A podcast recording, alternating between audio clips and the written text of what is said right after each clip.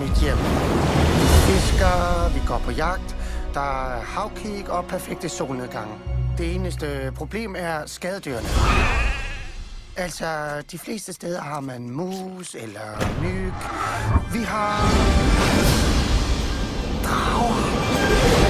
Velkommen til det nyeste afsnit af Spilhulen, hvor vi i dag vil anmelde DreamWorks nyeste animationsfilm, Sådan træner du din drage, og det nyeste Sonic-spil, Sonic Colors. Det kan ikke altid være nemt at være søn af den største og mægtigste af alle vikinger i landsbyen. Specielt ikke, når man selv er lille, splejset og faktisk ikke er særlig modig, og til med har fået navnet Higge. Alligevel prøver Higge at gøre sin far Havblik stolt. Ikke mindst ved at være dragejæger som resten af landsbyen. Dragen har i rigtig lang tid været en stor pestilens for den lille vikinglandsby, og det betyder, at de faktisk har jagtet dem lige så lang tid, de alle sammen kan huske. Higge vil noget så gerne hjælpe, men han får ikke lov, simpelthen fordi han er for lille. Og da han en dag under et stort drageangreb våger os ud og rent faktisk får skudt en drage ned, er der alligevel ingen, der tror på ham. Han drager ud i skoven, hvor han tror, at dragen er landet, og ganske rigtigt har han rent faktisk fanget en drage, og ikke kun én drage, men den farligste af dem alle, natskyggen.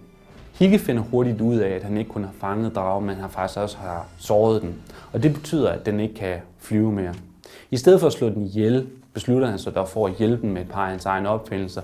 Og det betyder faktisk starten på et ganske unikt venskab. Et venskab, der ikke kan offentliggøres over for resten af landsbyen, fordi de som sagt stadigvæk bekriger dragerne. Øh, sød drag. Okay. Øh, øh, øh, nej, nej, nej. Øh.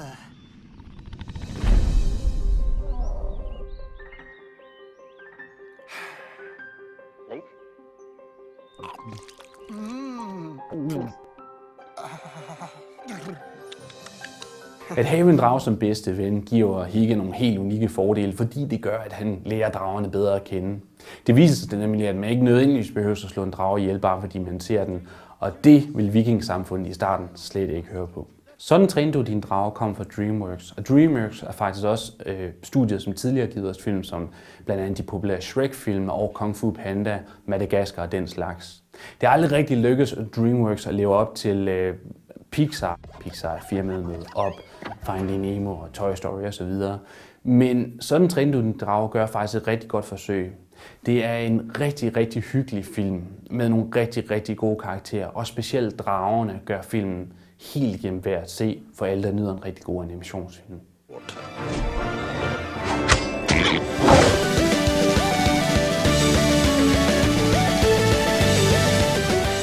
Selv som stor Sonic-fan er det svært ikke at erkende, at Sega i rigtig, rigtig, rigtig, rigtig lang tid ikke har gjort det bedste for Sonic.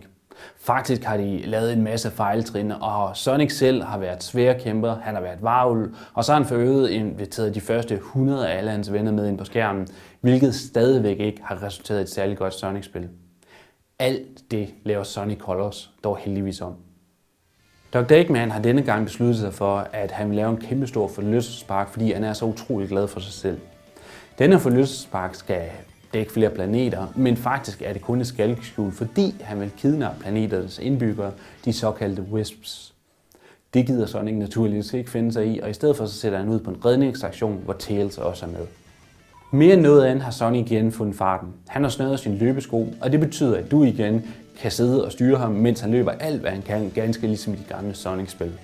Det er en fornøjelse at følge med til, og det er en endnu større fornøjelse, fordi at udviklerne har besluttet sig for at droppe 3D-perspektivet størstedelen i spillet, og i stedet for at lade det hele foregå på 2D-plan, hvor det er meget nemmere at følge med og kontrollere.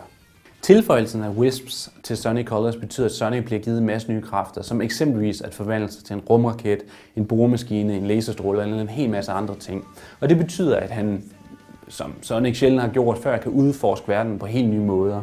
Det betyder en masse hemmeligheder, en masse bonusser, en masse ekstras og i det hele taget en masse ekstra timer på spillekontoen. På den måde minder Sonic Colors også en del om Super Mario Galaxy, og det er faktisk ikke nogen dårlig ting for, for et platformspil, som hidtil i sin sidste mange kapitler har haltet rigtig meget. Har du lyst til at spille Sonic Colors sammen med dine venner, er det faktisk også muligt, for Sonic Colors byder på en masse nye multiplayer-baner. De er dog ikke særlig sjove, og oftest er de for korte, for svære og for upræcise i forhold til, hvad resten af spillet byder på. Sonic Colors er uden sammenligning det stærkeste Sonic-spil, jeg har prøvet rigtig lang tid.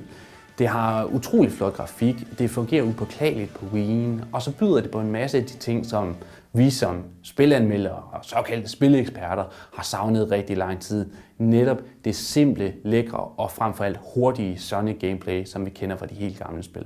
Sonic Colors er ikke kun det bedste Sonic-spil, vi har spillet rigtig, rigtig lang tid. Det er også et af de bedre platformspil på Wii'en, og det siger altså noget, når vi snakker om en konsol, hvor Super Mario blandt andet også gør sig.